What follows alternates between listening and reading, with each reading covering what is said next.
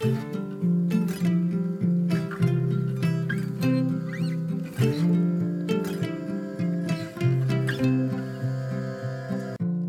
och välkommen till For Health med Anna Sparre! Nu blir det ett riktigt spännande avsnitt. Idag ska vi prata med den brittiske funktionsmedicinaren Dr. Michael Ash. Troligen en av de mest framstående i världen när det gäller kunskap om kopplingen mellan tarmflora och immunsystemet. Vi pratar om mikroorganismerna i din kropp och hur de är kopplade till immunsystemet och din hjärna Michael Ash lär oss hur din tarm och hjärna kommunicerar med varandra, hur immunsystemet har utvecklats till att styra vårt beteende och hälsa. Och viktigast av allt, hur du kan förändra och förbättra din tarmflora och din hälsa. Hur kan ett äpple vara mer effektivt än antiinflammatoriska läkemedel? Varför är våra förädlade grönsaker sämre för immunsystemet än ursprungliga? Detta och mycket mer kommer vi att få förklarat för oss idag. Om kopplingen mellan dina tarmar och hjärnan, immunsystemet och inflammation lär du dig i en utbildning som den framstående funktionsmedicinaren Michael Ash håller i Stockholm den 22 till 23 april. Under utbildningen får du bland annat verktyg för hur du kan arbeta med att få en tarmflora i världsklass, både hos dig själv och hos dina klienter och hur du balanserar och stärker immunsystemet. Utbildningen riktar sig främst till dig som arbetar med hälsa och har en medicinsk eller näringsterapeutisk bakgrund. För att läsa mer och anmäla dig, klicka på länken i avsnittsinformationen till det här podcastavsnittet eller gå till alfaplus.se utbildningar eller skicka ett mejl till info alfaplus.se. I den här versionen av intervjun så finns det svenska översättningar. Vill du hellre lyssna på den helengelska intervjun utan översättningar så lyssna på avsnitt 135b. Men jag tror faktiskt att du kan uppskatta de svenska sammanfattningarna idag, även om din engelska är perfekt. Detta för att hänga med i denna spännande värld av mikroorganismer, immunceller och hjärnans signaler. Om du gillar den här intervjun så blir jag jätteglad om du vill dela med dig av den på Facebook, Instagram eller till en vän. Och gå gärna in och lämna ett betyg eller recension i iTunes. Det gör det lättare för mig att få hit intressanta intervjupersoner. Tack på förhand! Om du är nyfiken efter avsnittet så hittar du mer information på forhealth.se. Och så kan du boka mig som föreläsare, till exempel till ett event eller till ditt företag. Missa inte heller intensivkursen Hälsohelgen hos mig på Österlen den 7 till 8 april. Du säkrar din plats via ett e-mail till boka forhealth.se eller läser mer på forhealth.se hälsohelg. Dr. Michael Ash är en av Europas främsta experter inom funktionsmedicin, immunsystemet och mikrobiomet. Han är naturläkare, näringsmedicinare, nutritionist och funktionsmedicinare och har arbetat med klinisk verksamhet i mer än 25 år. Michael Ash är grundare av ett framgångsrikt funktionsmedicinskt och integrativt center i England. Han är en flitigt anlitad föreläsare och utbildare av läkare och terapeuter. Dessutom så bedriver han egen forskning.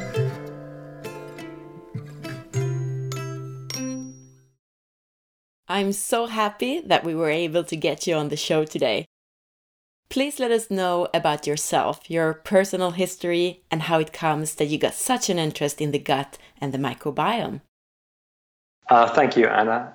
Um, many years ago, uh, uh 25 years ago, I, or actually nearly 30 years ago now, my practice at the time began to specialize in elite athletes, people who were at the very top of their particular sport, but who would periodically collapse during a season because of a recurrent upper respiratory tract problem, and as such, they would lose sometimes two to three weeks, and would sometimes drop down in the world rankings, which has significant consequences for their uh, scoring and ultimately their income. And in my practice at the time, we had some residential uh, offerings available to uh, people to come and stay to uh, be looked after for three or four days. And I began to measure some very simple immune markers. One in particular was secretory IgA.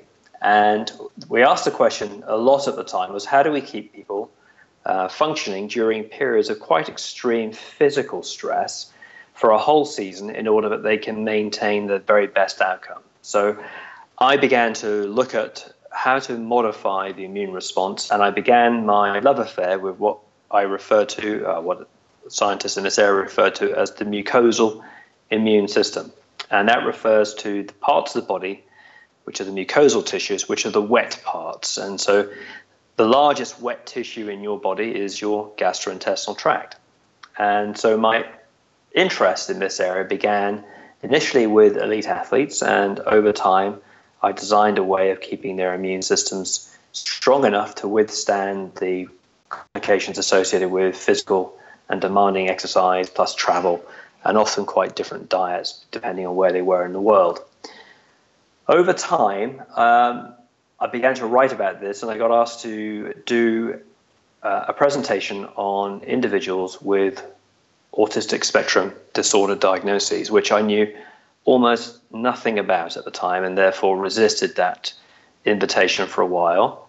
Uh, but I was inquisitive, so I did some research and ultimately went along to a conference and talked to a few hundred people, along with some other uh, scientists and clinicians there, about how I felt the mucosal immune system might contribute to a disorder in neurodevelopmental conditions. Now, this was a relatively early idea, 20, probably 22, 23 years ago now. And uh, I certainly didn't have any well constructed theory, but I had some notion that there may be a connection. As a result of this conference, I was asked to write up a paper, which I did, and it was subsequently published only in a, um, a sort of contemporary um, journal. It wasn't published in any peer reviewed journals at the time, but it brought to me over a period of a few months, about 250 people who had family members on the autistic spectrum disorder. And so my relatively modest knowledge about ASD uh, rapidly had to expand to become far more capable of managing all of these people and their expectations. So from that, I evolved a model, um, which generally involved me waking up in the middle of the night and sketching ideas down about how how changes in particular subsets of immune cells inside the gastrointestinal tract could transfer messages uh, to peripheral tissues, in particular the brain, and uh, what we, as inter- people inter- interfering with that process, might be able to do safely. And I began to, over the next five or six years, work with hundreds of people within the spectrum. My athletic uh, group of uh, patients gradually began to diminish because my work schedule became extremely busy uh, with this new subspecialty. And from that, I also began to discover people with functional gut problems and problems with uh, depression and mood disorders affect and anxiety. And as I began to write about this and publish and present at different conferences, obviously more people began to ask questions. At the same time, there was a great deal of early research um, and publications beginning to come into the peer reviewed literature. And in particular, a gentleman who passed away last year called Per Brandtzæg um, was perhaps one of the most enlightened individuals that began to see that these mucosal tissues, predominantly those inside the gastrointestinal tract, could uh, or might respond to interventions involving lifestyle uh, food concentrates, diet, and botanical extracts and organisms. It wasn't an entirely new concept, even back in the early part of the 20th century. Scientists had recognized that the gut would respond to stimuli from the brain. It was perhaps slightly more novel in concept that the brain would respond to stimuli from the gastrointestinal tract or from the gut. So, to wrap all that little story up, over a period of uh, 25 years, whilst I was in full time practice, that became an increasingly significant part of my day to day work. I sold my practice in 2007 and have really, since that time, remained immersed in the research and teaching clinicians and practitioners around the world how to recognize disturbances between this relationship and what routes of intervention they might want to employ to help their patients recover. För 25 till 30 år sedan så började Michael Ashs klinik specialisera sig på elitidrottare. Idrottarnas problem var återkommande övre luftvägsproblem som gjorde att de förlorade träningstid och resultat. De började fråga sig hur de kunde hålla personer fungerande under perioder av extrem fysisk stress, det vill säga under en hel tävlingssäsong. De började mäta immunmarkörer som till exempel IGA. Michael började titta på hur man kan förändra immunresponsen och han började specialisera sig på det mukosala immunsystemet, eller slemhinnornas immunsystem, varav det största hittas i mag-tarmkanalen. Och Michael lyckades hitta sätt att påverka immunresponsen hos atleterna så att de kunde fungera och vara friska under hela säsonger med hård träning, resor och annat. Michael kom också in på autism och ASD, autismspektrumstörningar. Han kom in på hur slemhinnornas immunsystem, det mukosala immunsystemet, alltså framförallt mag och tarmkanalen, kunde påverka neuropsykiatriska funktionsnedsättningar. Han utvecklade en modell för hur immunceller i mag och tarmkanalen skickar meddelanden till resten av kroppen, särskilt till hjärnan, och hur man kan påverka det här. Han började därefter arbeta allt mer med just autism och autismspektrat. Därifrån så började han också träffa på allt fler patienter med funktionella magbesvär, humörproblem och ångest. Samtidigt så kom det allt mer forskning på hur slemhinnorna i mag och tarmkanalen svarar på livsstilsfaktorer som mat och även örter och organismer. Det började nu också bli allt tydligare att det inte bara är mag och tarmkanalen som svarar på signaler från hjärnan, utan att också hjärnan svarar på stimuli från tarmen. Numera så har Michael sålt sin klinik och fokuserar på forskning och att utbilda andra kring just mag-tarmkanalens och hjärnans relation. Some of the subjects that you just mentioned here uh, we will tap into later in the interview as well. To start off, since the listeners are usually listening to Swedish interviews and since everyone is on a different level when it comes to their knowledge of the gut, can we start by very briefly explain the term microbiota?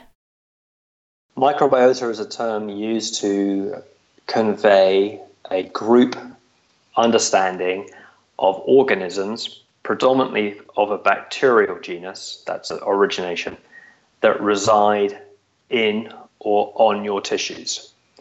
The vast majority of these are found inside the colon or your large intestine.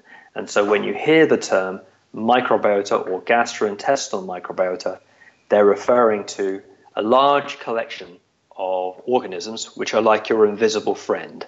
You may well have had a childhood friend that uh, you would talk to, or you may have had someone in your family that has a, a childhood friend but the weight of the organisms that make up the microbiota in the gut is roughly equivalent to that of the brain. And it has the same level of metabolic activity as your liver. And for many scientists now, it's often described as the invisible organ. That is, it performs a tremendous range of metabolic and immunological functionality, but you can't see it on a scan or an x ray because they're very small. So that's what the microbiota means. Perfect, thank you. Mikrobiota är organismer, framförallt bakterier, som lever i eller på dina vävnader. De flesta hittas i tjocktarmen. Mikrobiotan, alltså organismerna, är som din osynliga vän. De är så små att de inte syns, men tillsammans så väger de lika mycket som hjärnan och är lika metabolt aktiva som din lever. Forskare beskriver det som det osynliga organet. Mikrobiotan utför enormt mycket metabola och immunrelaterade aktiviteter i din kropp. Moving on from that then, what is the gut-brain axis? Well, the, the concept of an axis is that there is a connection, a relationship between two or more events and that the relationship between the gut and the brain is deemed to have some form of communication network. And that axis of communication can be influenced by other inputs, not just the presence or absence of different organisms, uh, and not just the presence or absence of different psychological states. So, the gut brain axis is a term used to describe the bidirectional, that means in two different ways, communication pathways. And so it's recognized now that signals originating in the gut can influence brain function through hormones or metabolic or immune or neural tissues, which are the nerve tissues. And they do that through various pathways and different components, which we can chat about later inside the gastrointestinal tract. And then equally, symptoms or uh, signals that originate in the brain can influence effects within the gastrointestinal tract. You just mentioned like hormones, for example, but the, the, what are the main routes of communication between the gut and the brain if we go a little bit more in depth? Well, there's a variety of regulated pathways that provide an opportunity for signals that are generated inside the gastrointestinal tract to deliver a message at what often appears to be an immunologically distant tissue, which is the brain. I think if we cover the first section, which is the blood brain barrier, and in very simple terms, it's a bit like having a series of control points between the brain and the body, which is made up of various connective tissues, and they protect you and your brain from too many large signals. And for a long time, it was felt that this barrier was impervious to molecular messengers, either small, low weight molecules like cytokines, which are a type of hormone, uh, or indeed other signaling pathways. But it's become apparent that that barrier has a relationship in terms of its integrity with the gastrointestinal tract barrier. So, again, to make this simple, you and I are separated from the contents of our gastrointestinal tract by a single cell membrane which wraps itself around a tube like structure. And that has a degree of permeability, so it lets some things through and excludes some things. And if that barrier becomes damaged, uh, in turn, the blood brain barrier also reflects a change in its permeability. So, one of the first routes for communicating between the gut and the brain is through the transmission or the passageway of small molecular messengers through the blood brain barrier. The second is through the activation of a nervous tissue, which is referred to in the gastrointestinal tract as the enteric nervous system. And that's a complex network of a large number of nerve tissues that can function and, and do function quite independently of your brain. They control the movement of food through the gastrointestinal tract. They also influence hormone production and fluid movements inside the gastrointestinal tract and local blood flow. And it also communicates directly with cells found inside the lining of the gastrointestinal tract including specialized mucosal immune cells or specialized tissues that help to defend you, uh, and also something called a neuroendocrine cell, which is a sort of combination of a nerve and a hormone responding cell. So, what happens then is that the enteric nervous system can be activated or triggered by things occurring inside the gastrointestinal tract, and they will release chemicals, uh, including a variety of different hormones or neurological signals that migrate to the brain using another route or a highway called the vagal nerve. And that's a large nerve that runs down the left hand side of your neck and connects all of your digestive tract with the, the brain. And so you can have some degree of direct stimulation of the enteric nervous system, which in turn activates the neural system through the uh, vagal nerve system, and that can send a signal to the brain. That I like to think the vagal nerve is also a little like a lift system because if you release a chemical inside the gastrointestinal tract and it triggers a neural activation, that chemical itself can be reproduced inside the brain.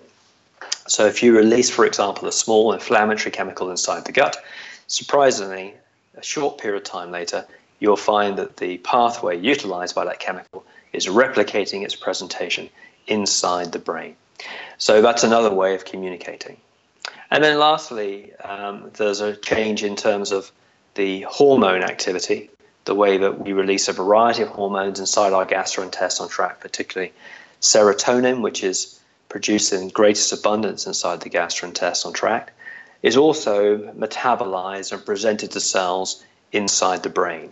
And consequently, there are a number of feedback loops between not just serotonin, but other things like ghrelin, which is a satiety based hormone, that are released locally and then communicate through a series of different receptors uh, to the brain itself. Thank you very much for that explanation. Gut-brain axis handlar om relationen mellan tarm och hjärna. Det finns nämligen ett kommunikationsnätverk mellan hjärnan och mag-tarmkanalen. Den här kommunikationen, axeln, kan påverkas av andra input, alltså inte bara av hjärnan och organismerna i tarmen.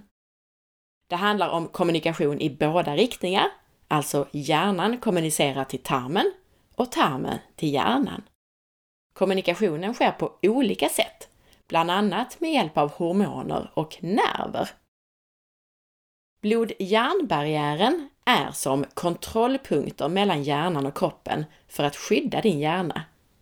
Länge så trodde man att den var ogenomtränglig för signaler, såsom molekylära budbärare, som till exempel cytokiner, eller cytokiner som man också kan uttala det. En sorts signalsubstanser. Men man har upptäckt att blod-hjärnbarriärens integritet är relaterad till tarmens integritet Alltså att en tarm med mer permeabilitet, det som i folkmun kallas läckande tarm, att det också påverkar blod-hjärnbarriären att släppa igenom mer. Tarmen har en barriär bestående av ett enda lager av celler som har en viss permeabilitet och släpper igenom vissa saker men inte andra. Om denna barriär i tarmen skadas så reflekteras detta i barriären in till hjärnan. Den släpper också igenom mer om tarmen släpper igenom mer. Ett sätt som det sker kommunikation på från tarm till hjärnan är därför små molekylära budbärare som kan ta sig in i hjärnan. Jag får nog backa ett steg här innan jag översätter alla kommunikationsvägarna mellan tarm och hjärna och flika in en förklaring i ett av de första avsnitten av podden, avsnitt 9, förklarar jag det här med kroppens styrsystem, nervsystemet och hormonsystemet. Så lyssna gärna på det avsnittet där jag förklarar det här grundligt. Men väldigt kortfattat. Nervsystemet inkluderar nervcellerna i din hjärna och ryggrad, det centrala nervsystemet, och i alla dina kroppsdelar, det perifera nervsystemet. Elektriska signaler går via våra nerver, antingen för att vi utför medvetna handlingar eller omedvetna. Man kan alltså dela in nervsystemet i en medveten del och en omedveten del. I själva nerven så går kommunikationen som en elektrisk signal och mellan de olika nerverna så finns det mellanrum där signalen överförs med kemiska budbärare, så kallade signalsubstanser. Ett hormon är en budbärare som utsöndras av ett organ eller en körtel ut till blodet. Hormonet är information från körteln till specifika målceller om att de ska utföra någonting. Alltså hormonet stimulerar cellerna på ett visst sätt. Vissa signalsubstanser är även hormoner, vilket gör det hela än mer komplicerat såklart. Men både signalsubstanser och hormoner är kemiska ämnen som fungerar som budbärare i kroppen. Det här är alltså lite bakgrund till när Michael Ash berättar om kommunikationsvägarna mellan tarmen och hjärnan och han pratar då mycket kring nervsystemet som inkluderar signalsubstanserna och hormonsystemet med dess kemiska budbärare. Tillbaka till vad Michael Ash sa. Ett andra sätt som tarmen kommunicerar med hjärnan på är aktivering av den del av nervsystemet som kallas för det enteriska nervsystemet. Alltså den del av det omedvetna nervsystemet som styr funktioner i mag-tarmkanalen. Den här delen av nervsystemet fungerar relativt oberoende av hjärnan. Det enteriska nervsystemet kommunicerar bland annat med immunceller i mag-tarmkanalen och med neuroendokrina celler, alltså en celltyp som är en sorts kombination och har att göra med både nerver och hormoner. Det enteriska nervsystemet påverkas och triggas igång av saker som händer i mag-tarmkanalen. Och det utsöndrar substanser, såsom olika hormoner och signalsubstanser som tar sig till hjärnan via vagusnerven, den långa nerv som kopplar ihop matsmältningskanalen med hjärnan. Alltså, du har någonting i mag-tarmkanalen som aktiverar det enteriska nervsystemet som i sin tur aktiverar vagusnerven och skickar signaler till hjärnan. Mag-tarmkanalen kan också påverka hjärnan genom att signalmolekyler som utsöndras i tarmen påverkar vagusnerven och sen producerar samma signaler i hjärnan. Till exempel om du utsöndrar inflammatoriska substanser i tarmen så sker kort senare det här förloppet inuti din hjärna. Då utsöndras inflammatoriska substanser i hjärnan. Hormoner är ytterligare ett sätt som kommunikationen sker på. Vi utsöndrar mycket hormoner i mag-tarmkanalen. Signalsubstansen serotonin, som produceras i stor mängd i mag-tarmkanalen, återfinns också inuti hjärnan. Och det finns feedbackloopar mellan hjärnan och mag-tarmkanalen via till exempel serotonin, men också till exempel hormonet grelin, hungerhormonet, som utsöndras lokalt i tarmen och kommunicerar via en serie receptorer till hjärnan. Explain also why the gut brain dynamic has been receiving more attention lately.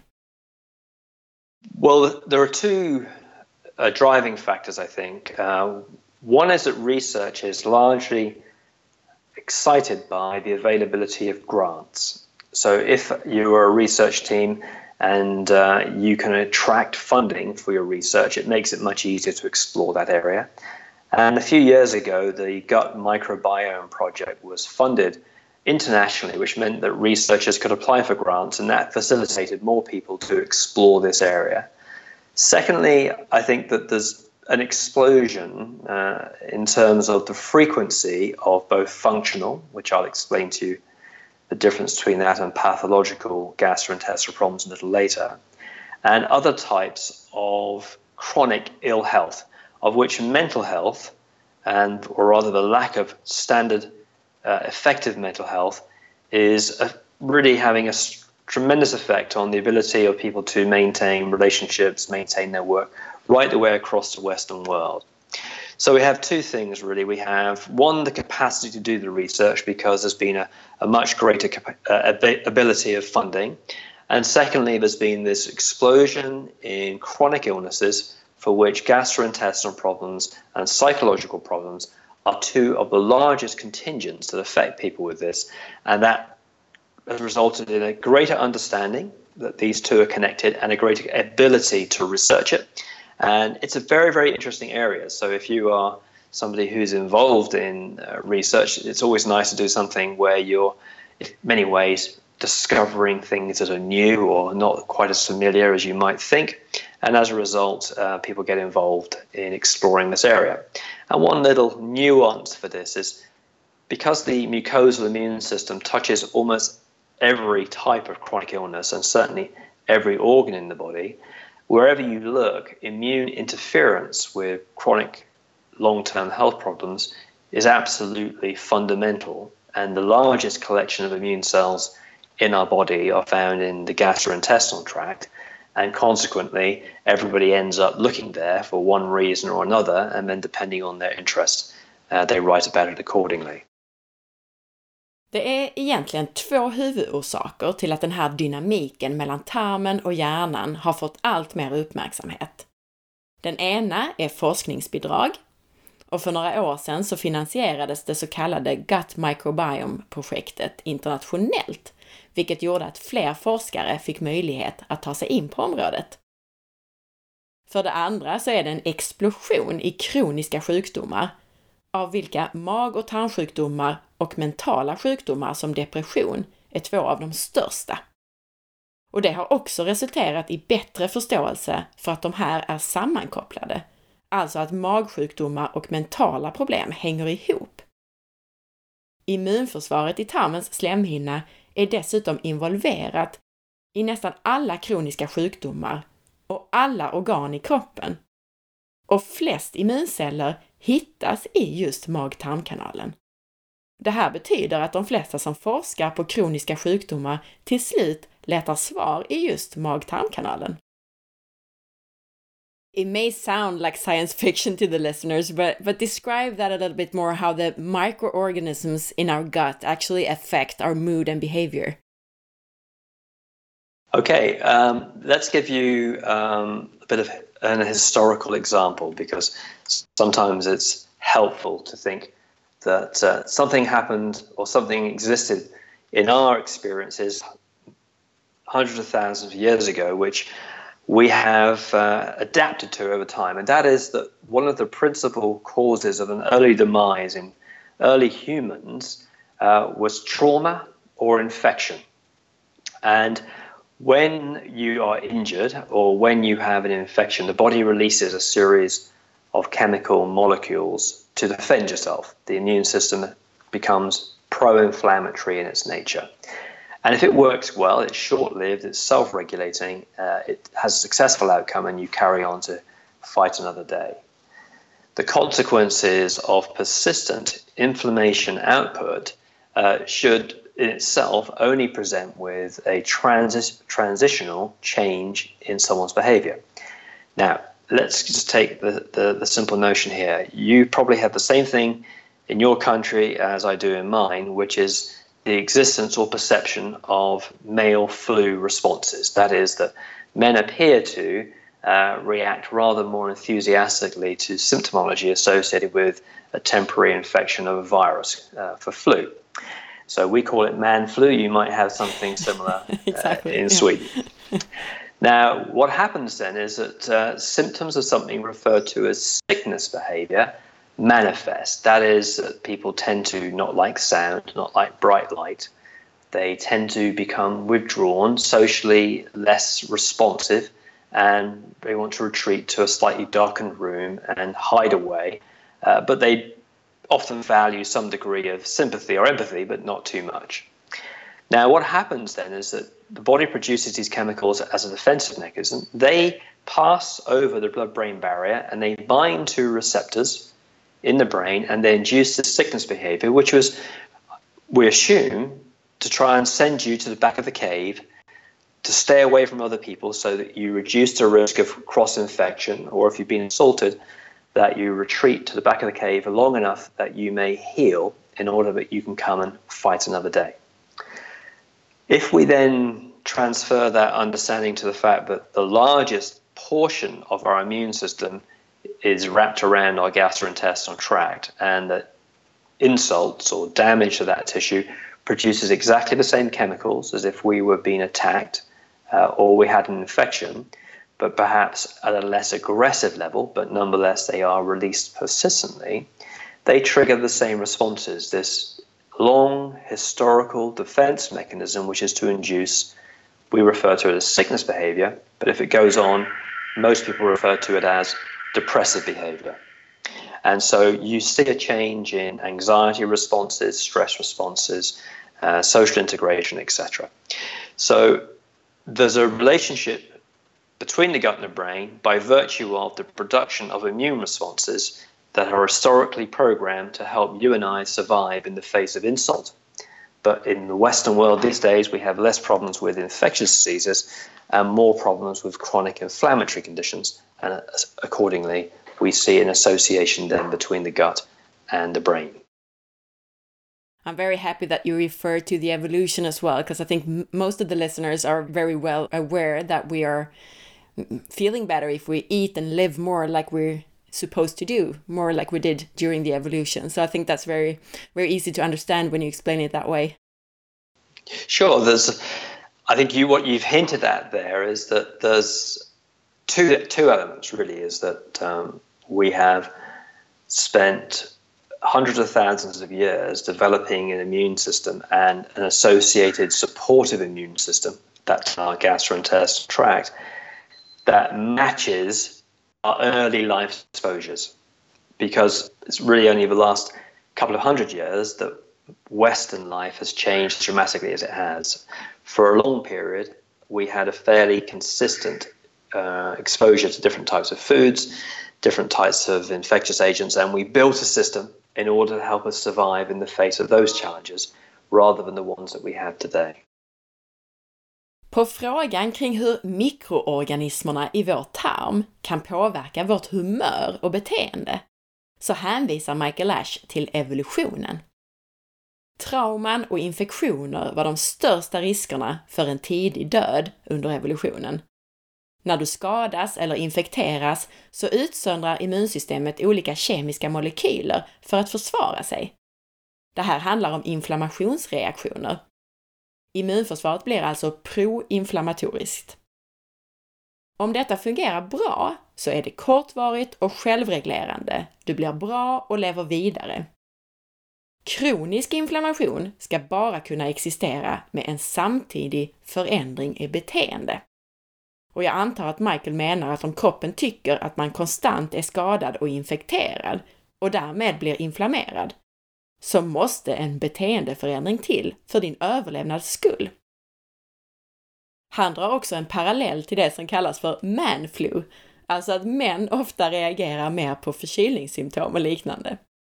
Det här manifesteras i ett sjukdomsbeteende, som att man till exempel är känslig för ljud och ljus, mindre social och man vill helst dra sig undan.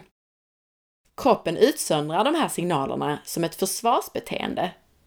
Signalerna tar sig genom blod-hjärnbarriären, de binder till receptorer i hjärnan och inducerar ett sjukdomsbeteende. Och detta för att du ska dra dig undan in i grottan, bli bättre och inte smitta andra.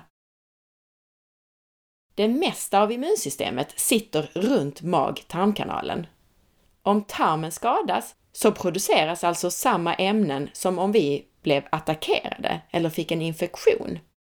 Möjligen i mindre mängd, men däremot så utsöndras de konstant om vi lever med en skadad tarm. Oavsett så sker samma sak som evolutionen har utvecklat oss för. Nämligen, vi inducerar ett sjukdomsbeteende. Ett beteende som alltså i längden ses som ett depressivt beteende och förändra vårt sociala beteende, vår stressrespons, oro och så vidare. Summerat är det alltså en respons mellan tarmkanalen och hjärnan som historiskt utvecklades för att vi skulle överleva skador och infektioner. Men i dagens samhälle så har vi inte så mycket attacker av de här slagen som vi haft under evolutionen, utan vi har större problem med kroniska inflammationer. Och därav så ser vi den här kopplingen mellan tarm och hjärna.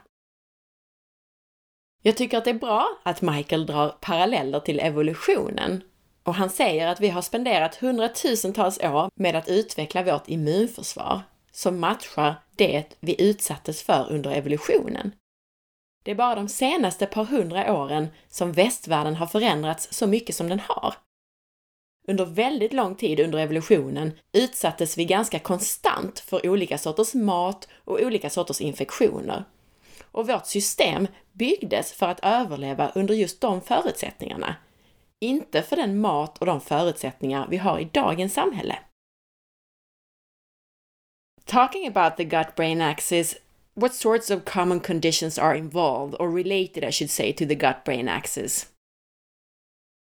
Well, I alluded to one neurodevelopmental problem, which I think it's very likely that many of your listeners would either have a personal experience or may know somebody who has an experience of an individual with autistic spectrum disorder. That's a, a wide range of conditions from uh, attention deficit disorder right the way through to full blown autism, in which the interface between that person and their world around them appears discordant compared to our own expectations. The other thing is that depressive behavior, uh, different types of depression, chronic and long term depression, are related to uh, disorders of the gut. And people with gastrointestinal problems, such as functional disorders like IBS or pathological disorders, uh, sort of pathological disorders such as IBD, also have a much higher incidence of depressive behavior and uh, anxiety and more difficulty in engaging in social and meaningful relationships. So the gut has a range of potential interferences with neurodevelopmental uh, and psychological disorders, but it extends slightly beyond that, and there's increasing recognition that conditions such as Parkinson's, dementia, Alzheimer's, more persistent, much more difficult to manage conditions, also have an association with a change in the relationship between the gastrointestinal ecology and your immune system, your hormone system, and your digestive system. So one could say that almost every mood disorder and most likely every pathological disorder of the central nervous system have some sort of relationship with a change in the gastrointestinal population.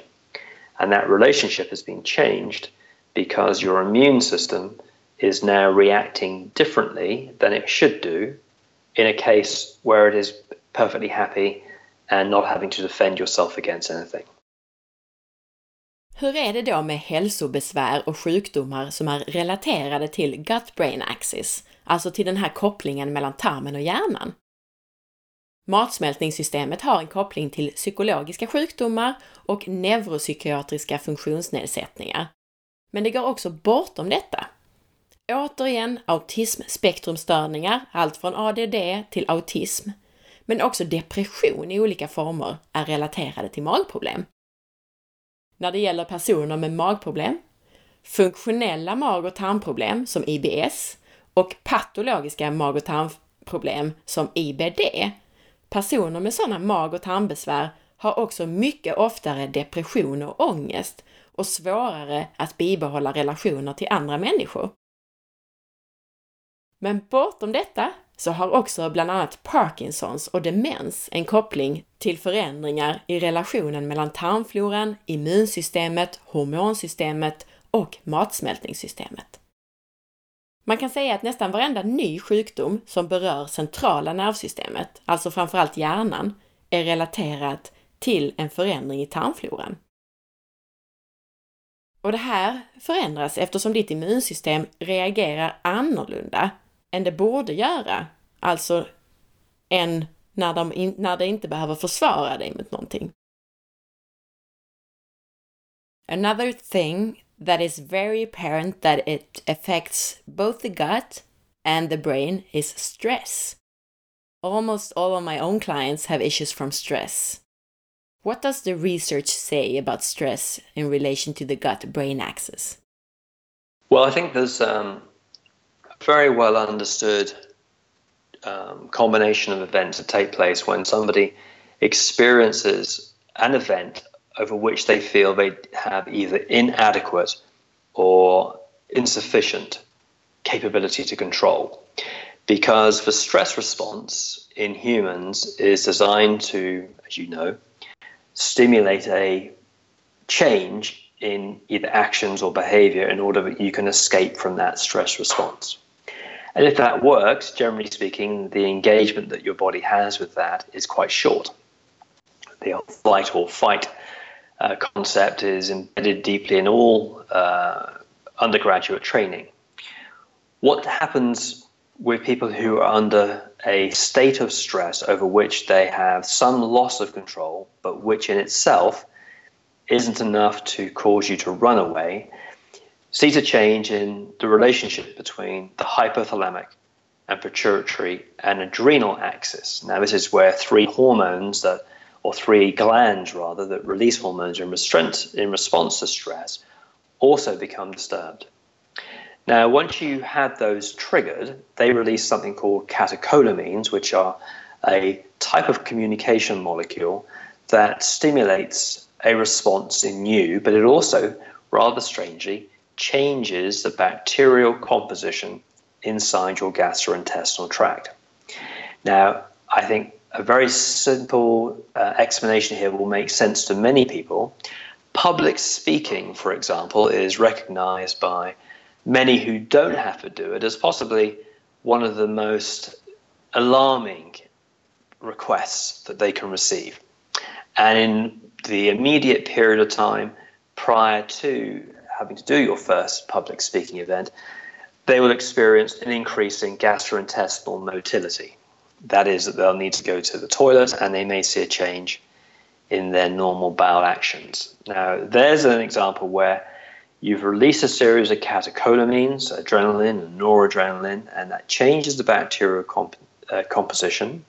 It stimulates fluid ingress into the colon, and peristalsis takes over. Now, it's often self limiting. You may or may not make the talk, and the following day or two, everything returns back to how it was before.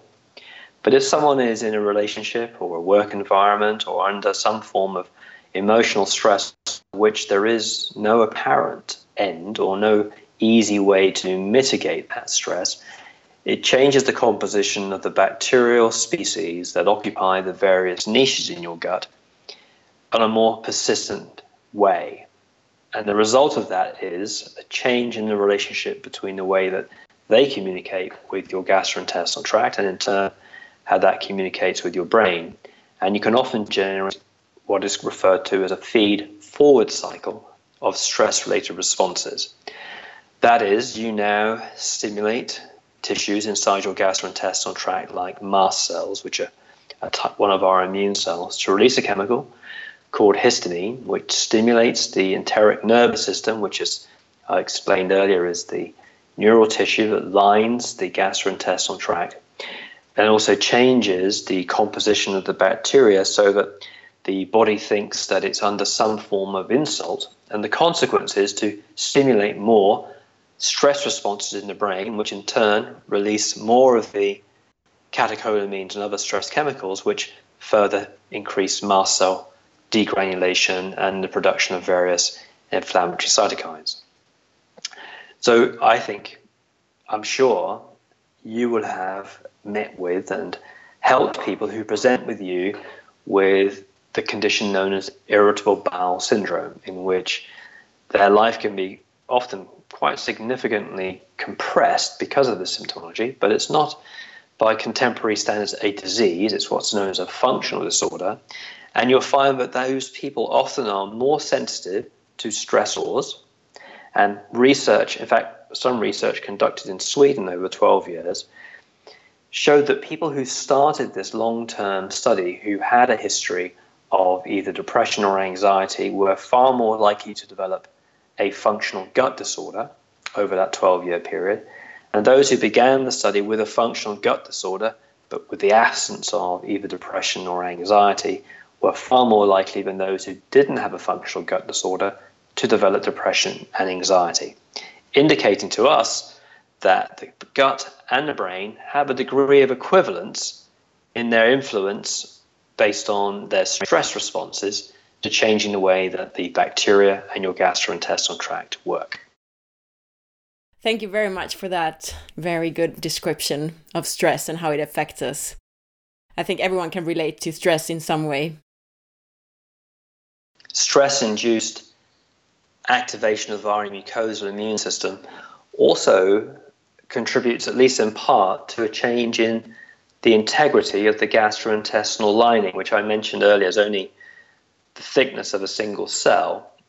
But if you produce cortisol or catecholamines in response to stress, then different immune cells respond to those triggers inside the gastrointestinal tract. And uh, in particular, substance P and vasoactive intestinal peptides, which are specialized types of chemicals, are released. And the result is that that barrier can become less efficient at excluding triggers, either food triggers or bacterial triggers, which in turn triggers more inflammation and then subsequently requires you to release more cortisol. And you can immediately see that there's a risk then of a feed forward cycle once more. So, what you're saying now is that stress can actually produce food intolerances. Is that what you're saying? Um, it can it can increase a response to food ingredients that may be forms a, a, relationship between, as you know, there's a, a sort of, there's a degree of uh, nomenclature that means language that describes somebody's reaction to different types of food triggers. But if you're consuming a food for which you normally are able to digest it quite happily, and that during a stressful period, you've begun to notice that that food causes you some distress then one of the explanations for that may be that there's a change in the production of the relevant enzymes and hormones necessary to break that food down efficiently, or it may be that parts of that food that have been broken down are now crossing your blood brain sorry your gut barrier and being recognized by immune system as being problematic that means that they're bigger or perhaps they're bound to another protein which they weren't used didn't used to be and that makes an immune response release inflammatory chemicals. So, probably the better way to say this is that stress that is persistent in nature, which increases your body's release of cortisol or other chemicals that change the barrier integrity of the gut, has the potential to make your response to foods change. So that certain foods which you perhaps ate regularly and tolerated you're no longer able to do so. And that by removing the stress and or repairing the gastrointestinal barrier, you may then subsequently be able to reconsume those foods at a later date without experiencing the same symptoms. Very interesting because we had this interview about the autoimmune protocol uh, that you eat a, a, very strict diet when you have an autoimmune disorder, and uh, this this man said that normally when you go on vacation, you tolerate more foods than you do uh, otherwise. So because the stress level comes down, you you also tolerate the foods better.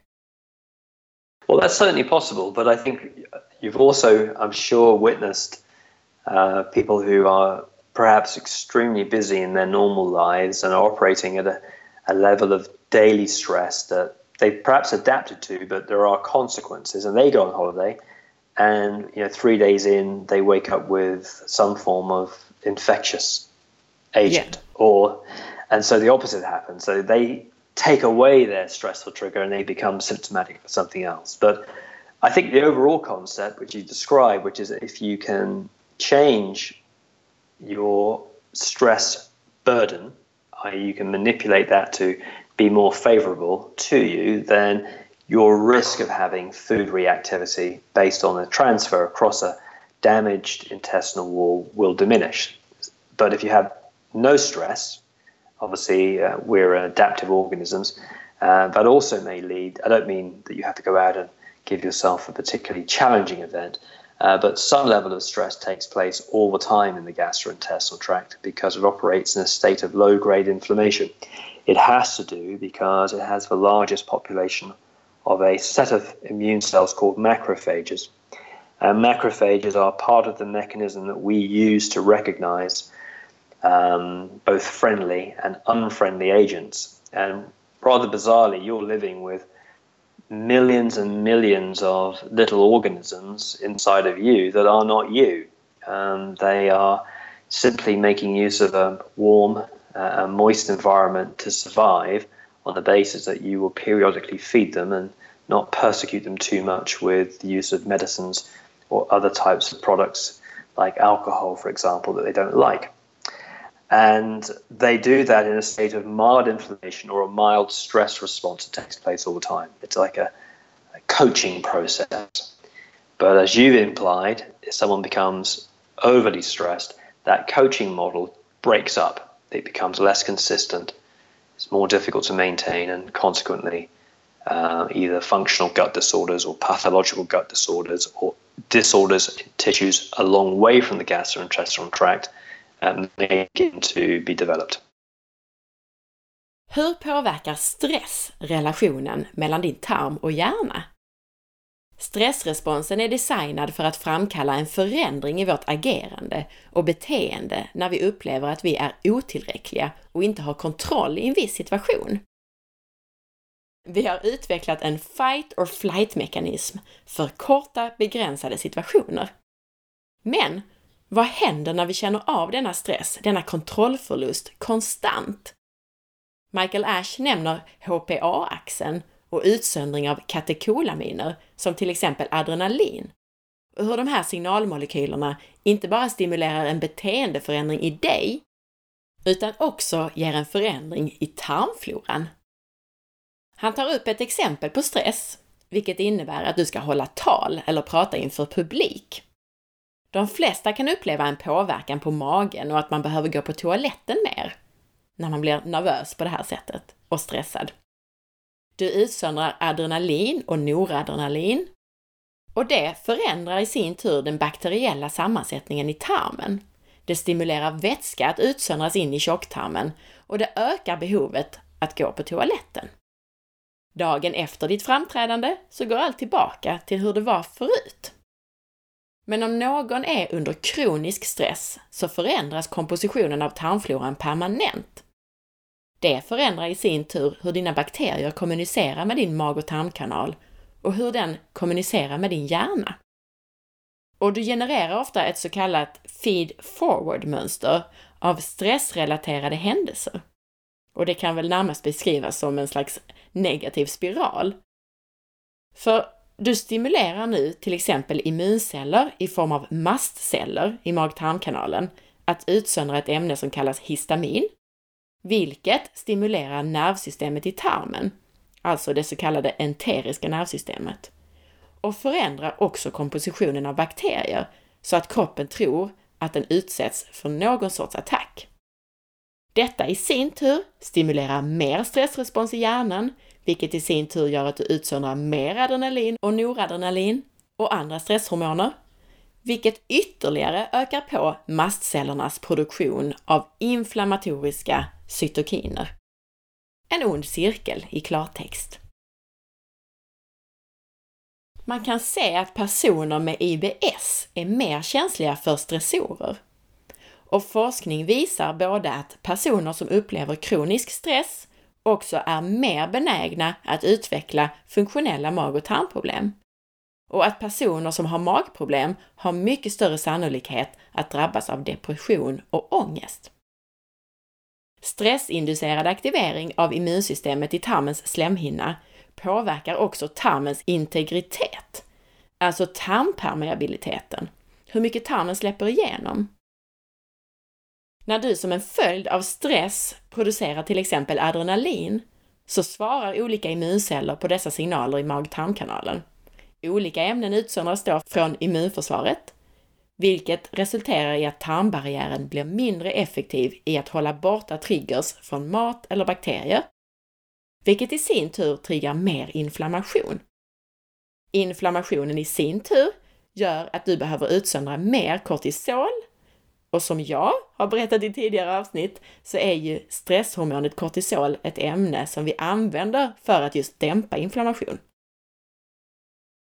Hur som helst, återigen så ser vi en risk i en sån här så kallad feed forward cycle, en ond spiral helt enkelt. Jag frågar om det här med att tarmbarriären blir mindre effektiv i att hålla borta triggers från maten, om det är kopplat till matintoleranser. Alltså om stress kan skapa intolerans mot mat. Michael förklarar att stress kan ändra kroppens respons på olika ämnen i maten om du äter ett livsmedel som du normalt tolererar, men under en stressig period noterar du att samma livsmedel ger dig något besvär, så kan en förklaring vara att det sker en förändring i produktionen av relevanta enzymer och hormoner som behövs för att bryta ner livsmedlet när du är stressad. Det kan också bero på att delar av livsmedlet som bryts ner nu tar sig igenom tarmbarriären. Som släpper igenom mer alltså. Och immunförsvaret ser det som ett problem, en inkräktare. Alltså för att det är större partiklar än tidigare, eller kanske är det här ämnet bundet till ett annat ämne. Det gör alltså att immunsystemet reagerar och utsöndrar inflammatoriska ämnen. Kronisk stress som ökar din kropps utsöndring av kortisol och andra ämnen förändrar alltså integriteten i barriären i tarmen. Det kan i klartext öka genomsläppligheten. Detta kan potentiellt förändra hur kroppen svarar på olika livsmedel som du äter. Så att vissa livsmedel som du tålde, tål du inte med stress. Och genom att ta bort stressen och reparera tarmens genomsläpplighet så kan du eventuellt åter äta de här livsmedlen utan att få symptom. Jag refererar till avsnitt 83 när vi pratar om autoimmun kost och hur vi då hänvisar till att man ibland kan vara mer tålig för viss sorts mat när man går på semester och stressnivån är lägre. Michael säger att det är möjligt, men poängterar att det ibland också kan vara tvärtom. Många upplever att man blir sjuk precis när man går på ledighet efter en stressig period. Han säger att om du förändrar kroppens belastning av stress så att den blir mer fördelaktig, så kan du också reagera mer fördelaktigt på mat som du eventuellt inte tålt på grund av det som vi kallar läckande tarm, alltså på grund av att matpartiklar tagit sig igenom tarmbarriären och retat immunförsvaret. Men att det kanske inte gör det om vi får en mer fördelaktig belastning av stress. Han poängterar att en viss nivå av stress hela tiden pågår i mag-tarmkanalen eftersom den arbetar i ett tillstånd av låggradig inflammation. Det måste den göra eftersom den har kroppens största uppsättning av de immunceller som kallas makrofager. De här har jag förresten pratat om i bland annat avsnitt 89 som handlar om immunförsvaret. Makrofager är del i den mekanism som vi använder för att känna igen främmande ämnen, både vänner och fiender. Och du lever ju med massor med miljoner av organismer som inte är du, alltså din bakterieflora.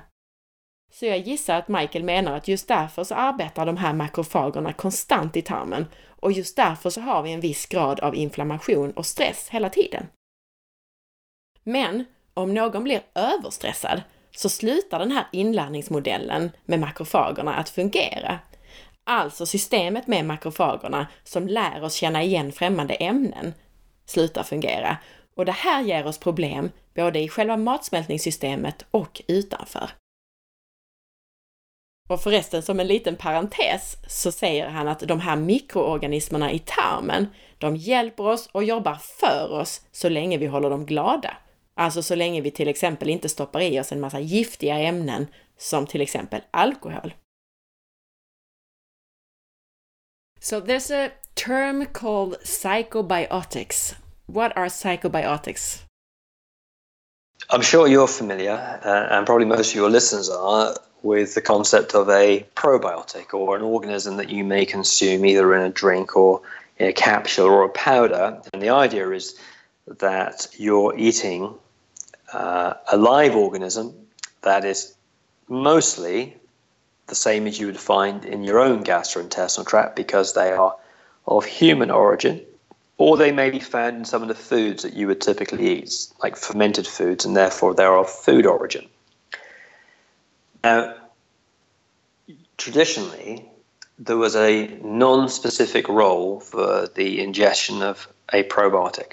Mechnikov identified in the early 20th century that a population of Eastern Europeans consuming a fermented yogurt appeared to derive some long life and health benefits from doing so. And that's when the idea that by adding these organisms we might confer a health advantage to the consumer.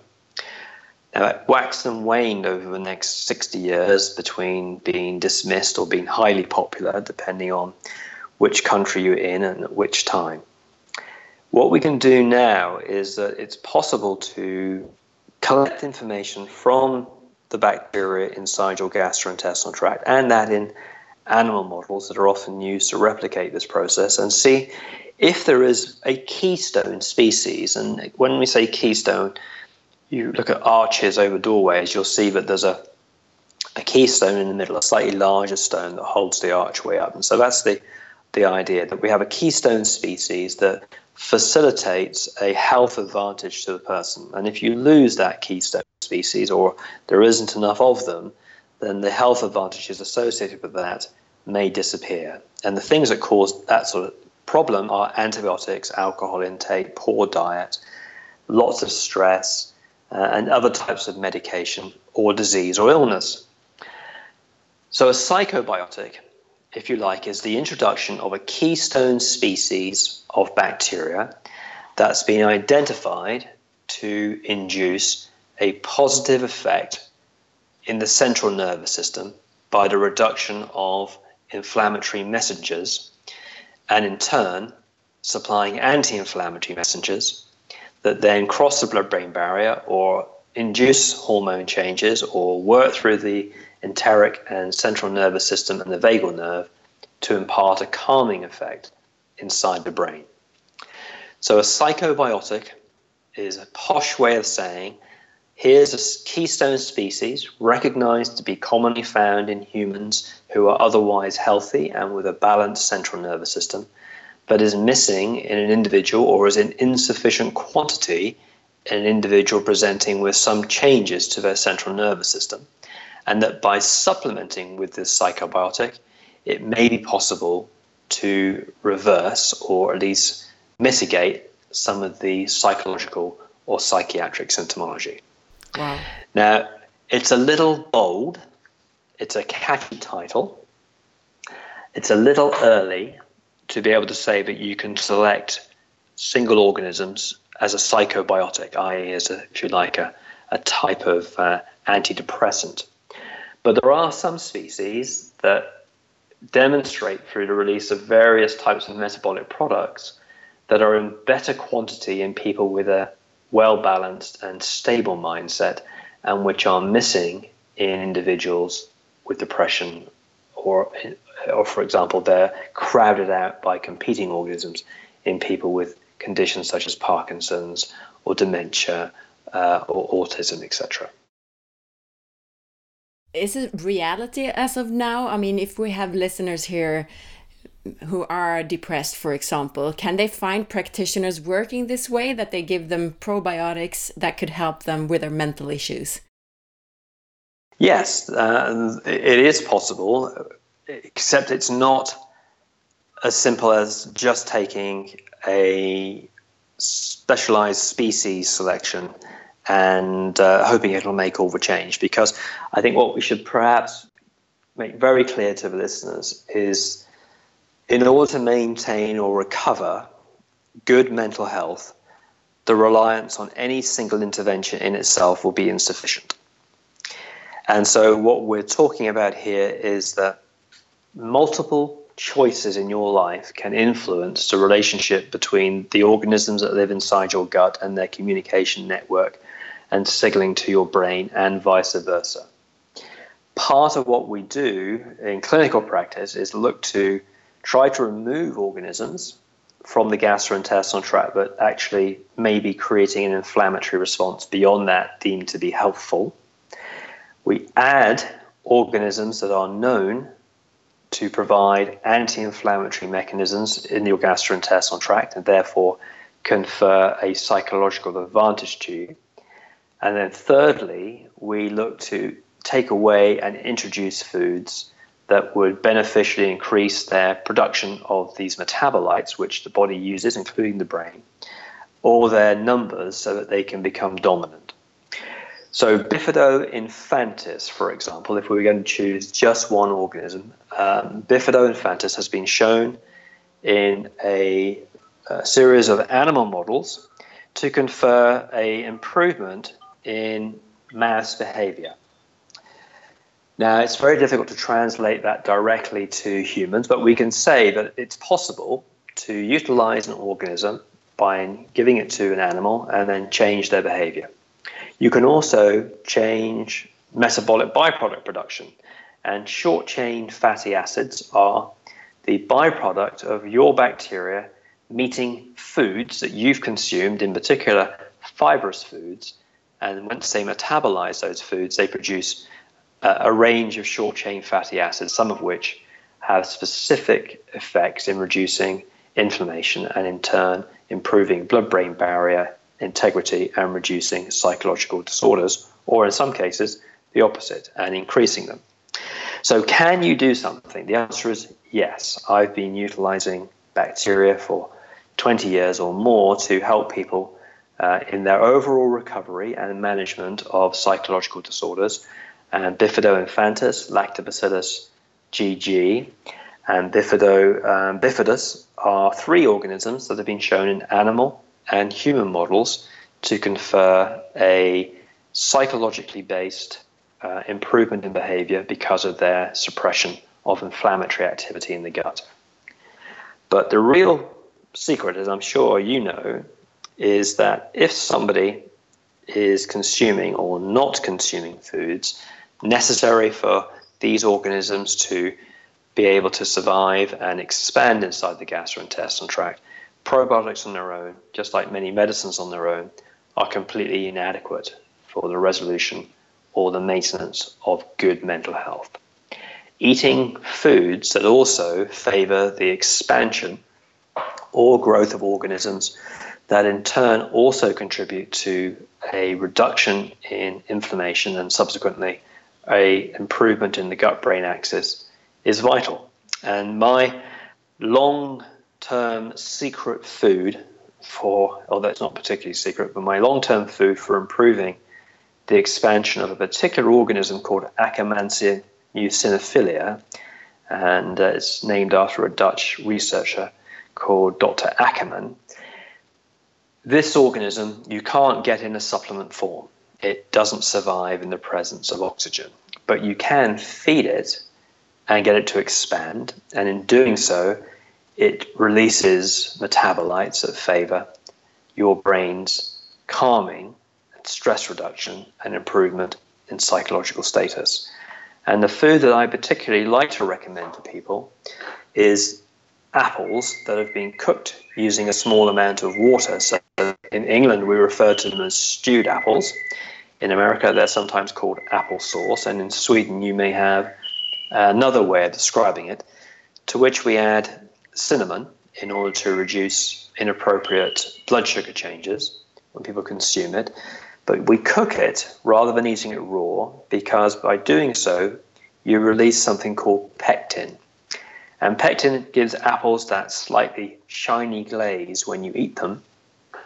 And pectin is utilized by Akkermansia muciniphila as a primary food source uh, for increasing both mucin production therefore protecting the gut barrier from challenges, but also from stimulating the expansion of anti inflammatory chemicals so that the brain becomes calm.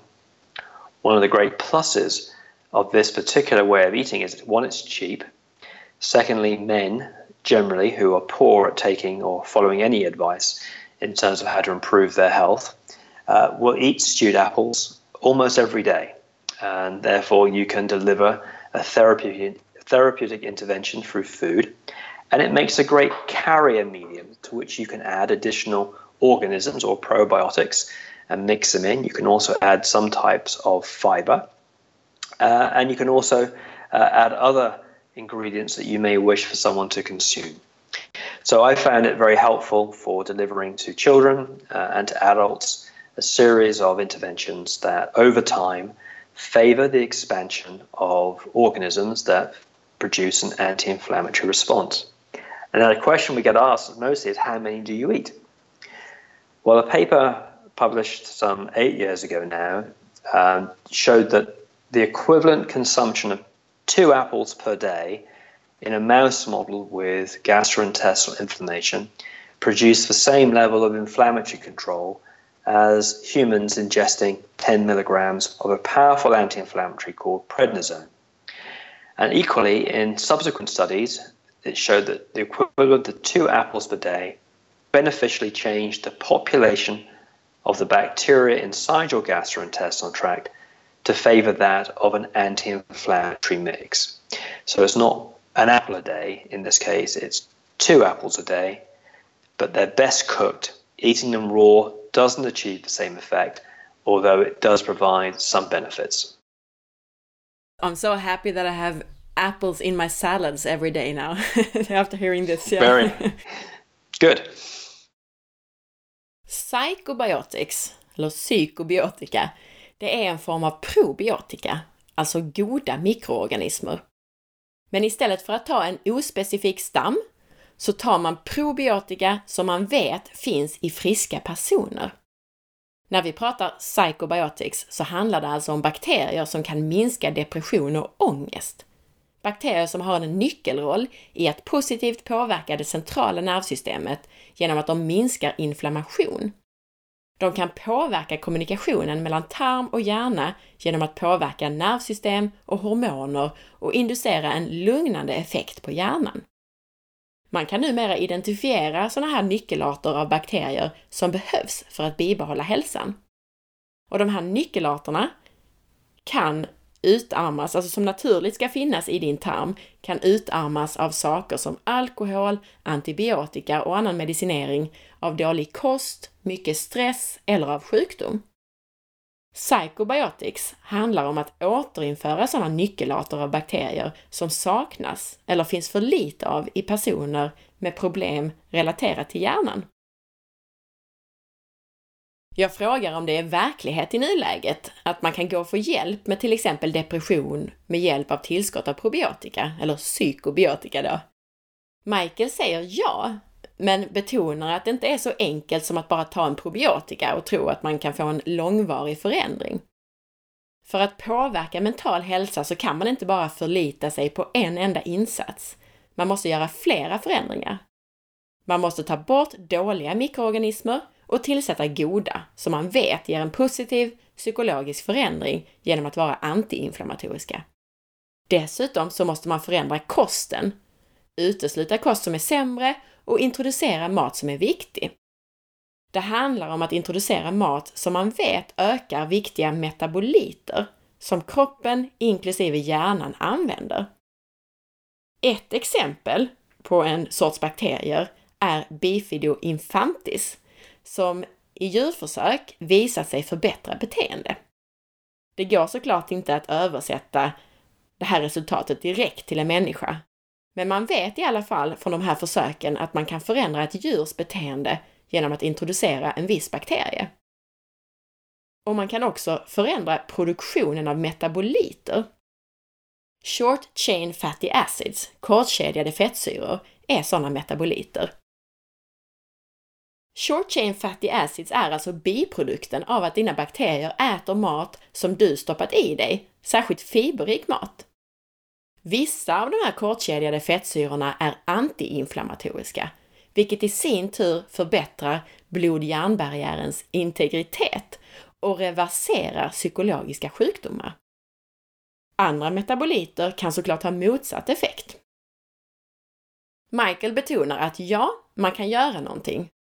Att han själv har använt just det här sättet att arbeta med psykologiska problem i över 20 år.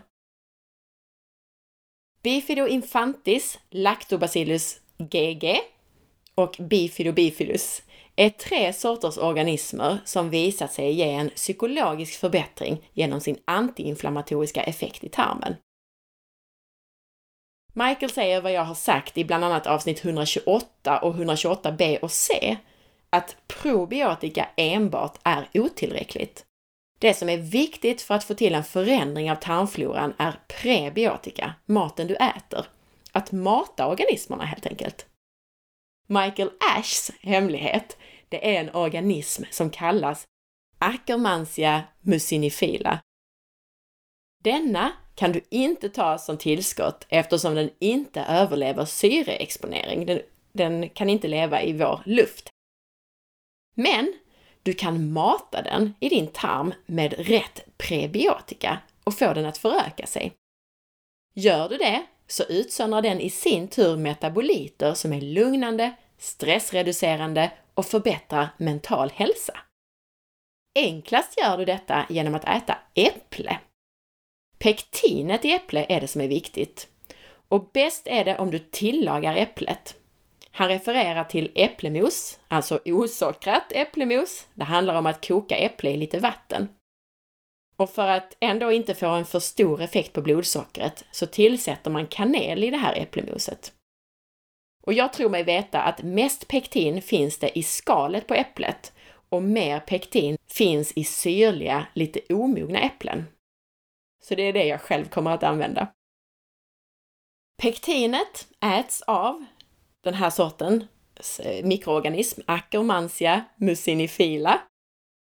Och de här mikroorganismerna utsöndrar sedan ämnen, bland annat musinslem alltså, men överlag ämnen som är antiinflammatoriska och bra för tarmbarriären och hjärnan. Du kan också lägga till olika sorters fibrer och probiotika för att få ännu större effekt.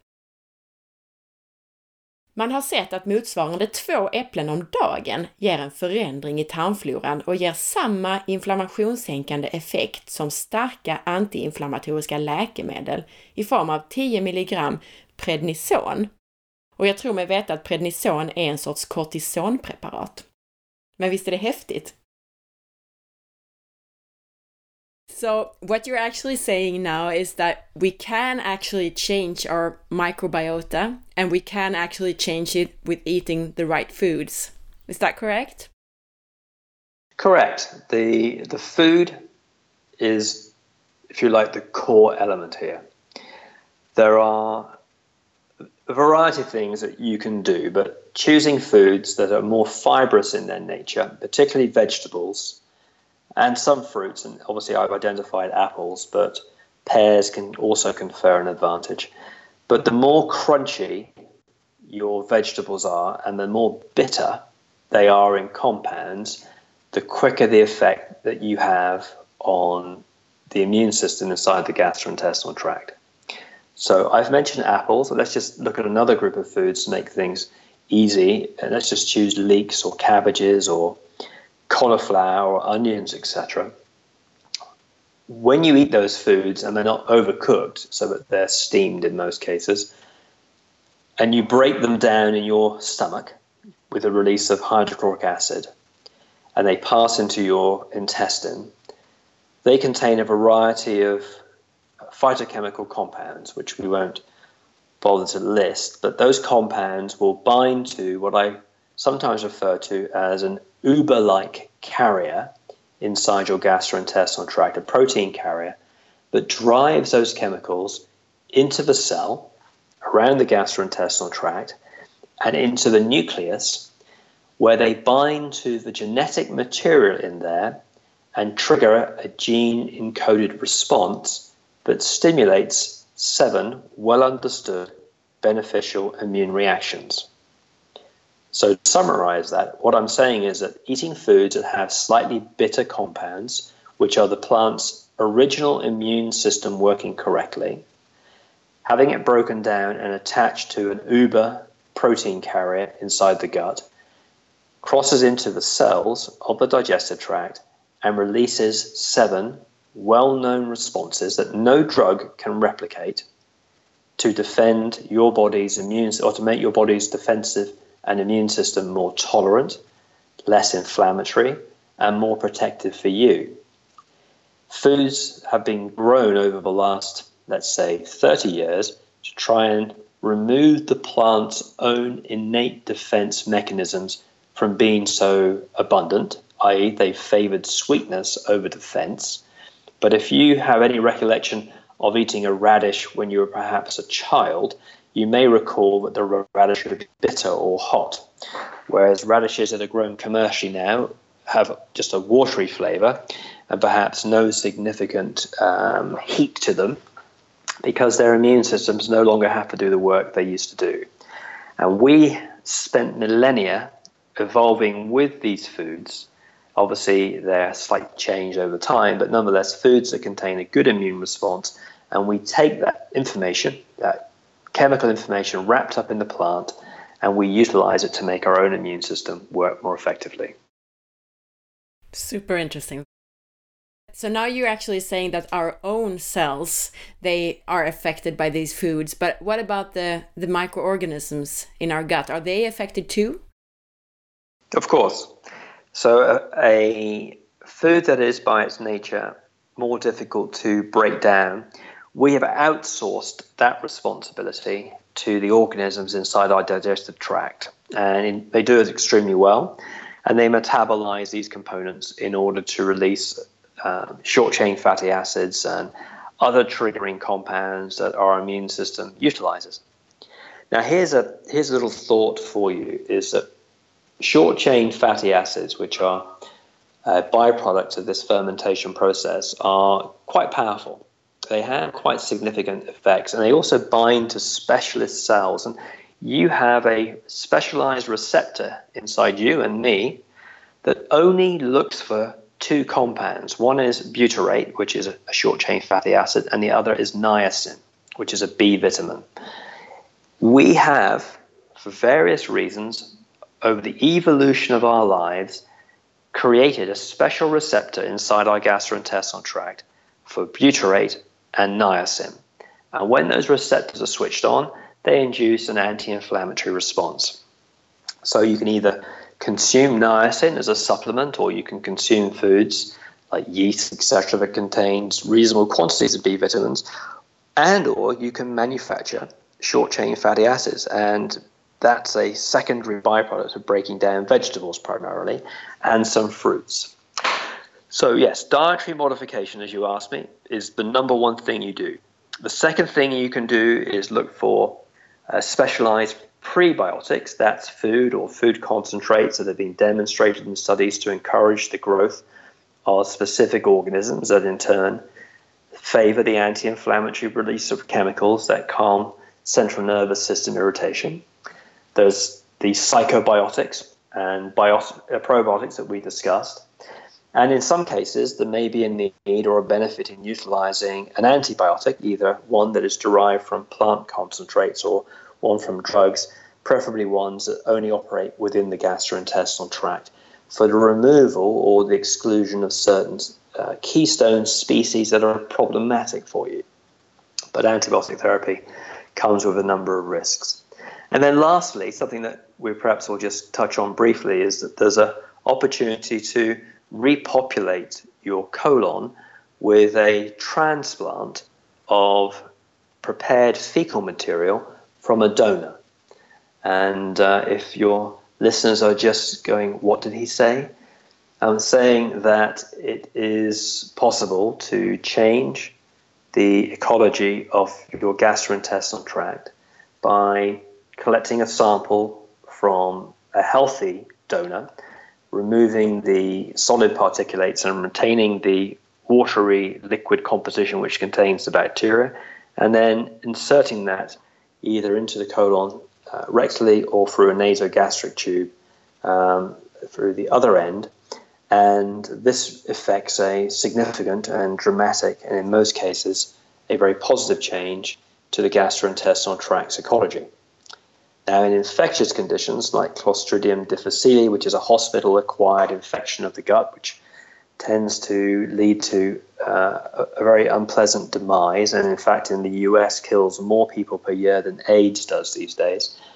There's about a 93% recovery from that condition on a single fecal microbial transfer. As a result, many, many studies now are looking to see whether that method of transferring molecular messengers or bacteria from a healthy individual to an unhealthy individual has advantages across a wide range of conditions from dementia, Parkinson's, multiple sclerosis, arthritis, depression, anxiety, autism, etc. It's a little early to say whether it does or doesn't, but I would say that you and I, probably if we have another conversation in a couple of years' time, will be looking at very specialized organisms that have been collected from individuals uh, are healthy that will provide a stratification tool, and that just means that we would measure someone's requirements for an organism by a stool sample. We would measure their inflammatory chemicals through a blood test. We'd measure their short chain fatty acid production either through a stool sample or blood collection. And we perhaps measure some other hormone markers. And with that, we would be able to enter that into a algorithm and it would identify which organism or organisms have been shown to be effective in reversing those and which food groups and which foods that person should either avoid or consume.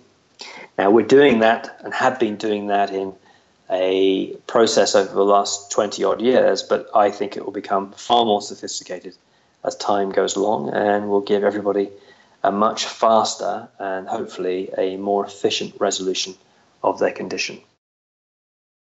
Michael Ash bekräftar alltså att ja, vi kan förändra vår tarmflora och vi kan förändra den med rätt sorts mat. Maten vi äter är huvudelementet för att förändra tarmfloran. Du bör äta fiberrik mat, särskilt grönsaker. Ju knaprigare desto bättre och ju bittrare grönsaker desto bättre.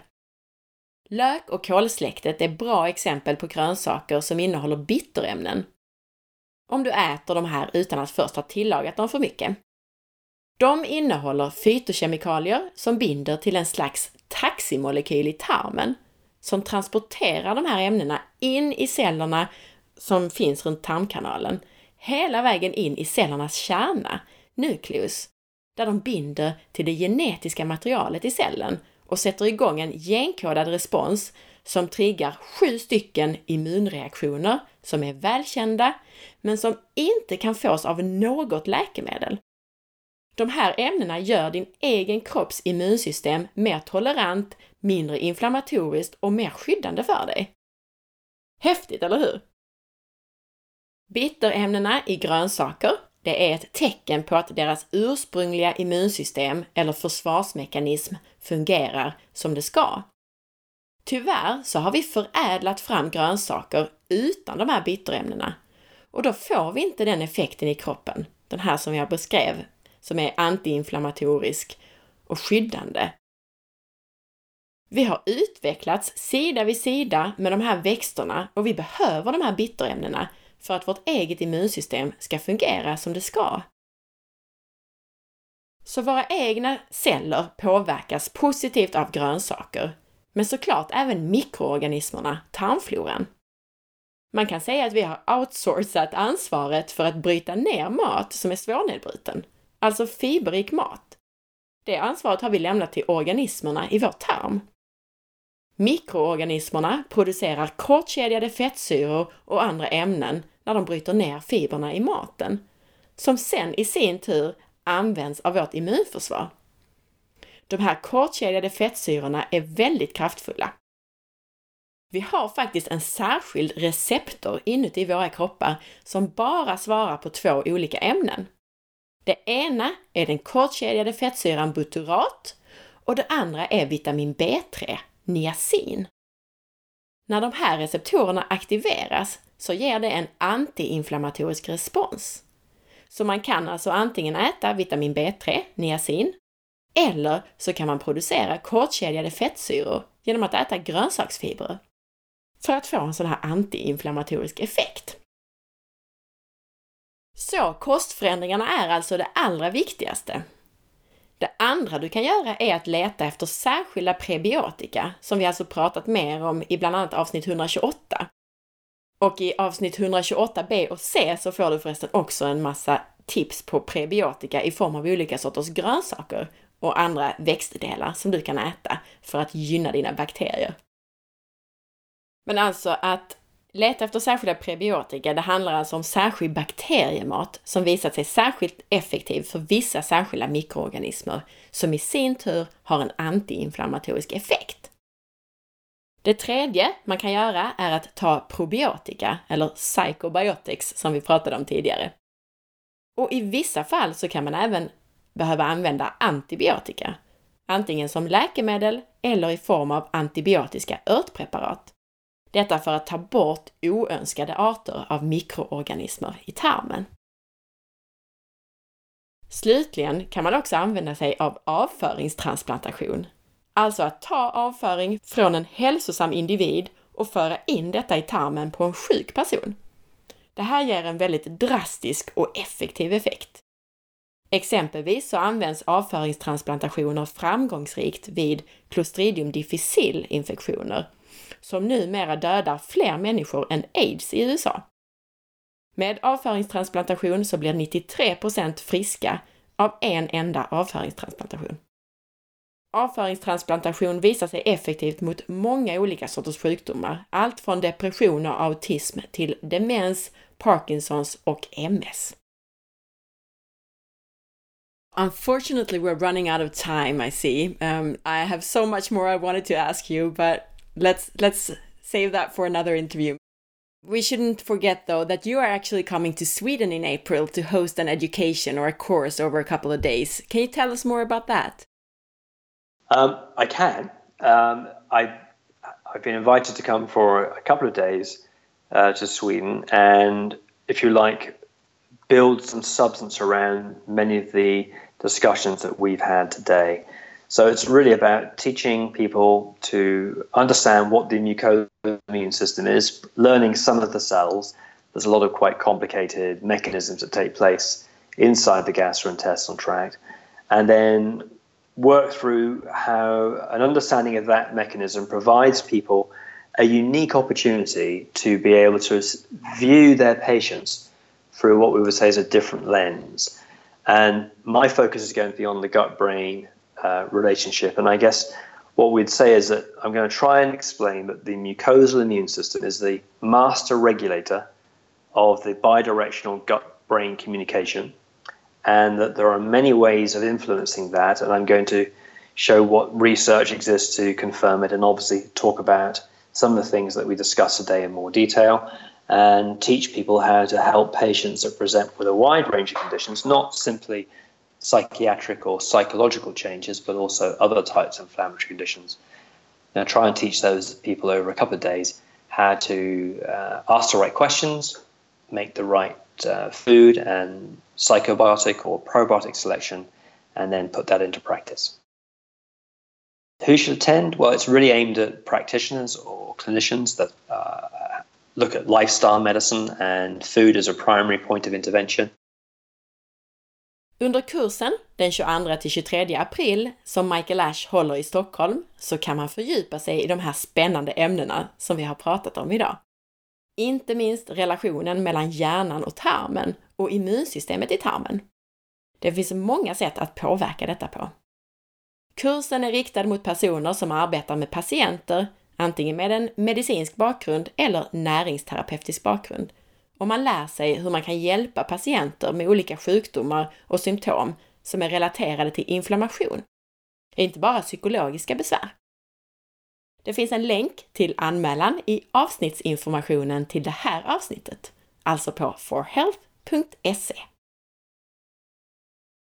If the listeners want to know more about you and your work, where do they find you? Uh, I regularly write articles on a website which is the usual three W's, and then clinicaleducation.org, O-R-G, clinicaleducation.org. Uh, there are probably 400 or so articles I've written over the last few years on there, and they'll certainly find information about apples and the recipes that I described. And they could also find information about another area which I do a lot of my work in, and research these days, which is the relationship between us and the other type of ancient bacteria that live inside of us called mitochondria. Michael Ash hittar du via clinicaleducation.org. Och Michael nämner också ett område som jag gärna hade pratat mer med honom om, nämligen mitokondrier. Som faktiskt också härstammar från bakterier från början. Mitokondrierna är ju de små kraftverken inne i cellerna. Men vi får hoppas att det blir fler tillfällen att prata om det här spännande ämnet. Do you have any last words or anything you would like to summarize? Uh, well, I think that the positive thing to take away from this is that you can change the, your gastrointestinal bacterial populations within just a few days. for the better or for the worse. And that in many ways, that gives you an awful lot of power over your future health. But our bacteria are just like employees. If we don't pay them well, if we make the conditions in which they work miserable and unpleasant, if we try to kill them with toxic and regular exposure to drugs or other chemicals that create havoc in terms of their communities, they will tend to be very poor employees and contribute to long term health disruption. So, if we look upon our friends inside of us as somebody that we need to eat for at the same time, that we need to work with and communicate with, they can become tremendous allies for us and our health. And looking ahead, it's probably one of the most exciting areas of medical intervention that will keep us occupied for the rest of uh, this century. Ta med dig det här. Du kan förändra bakteriekulturen på bara några dagar, både till det bättre och till det sämre. Se bakterierna som anställda i din kropp som du måste hålla nöjda för att de ska utföra sitt jobb. Utsätt dem inte för kemikalier och tänk på att du ska äta för dem, så blir de dina bundsförvanter för att hålla din hälsa på topp. Thank you for that great analogy, and thank you so much for taking the time to participate today. Thank you very much for inviting me, Anna, and uh, I hope those who listened found it helpful.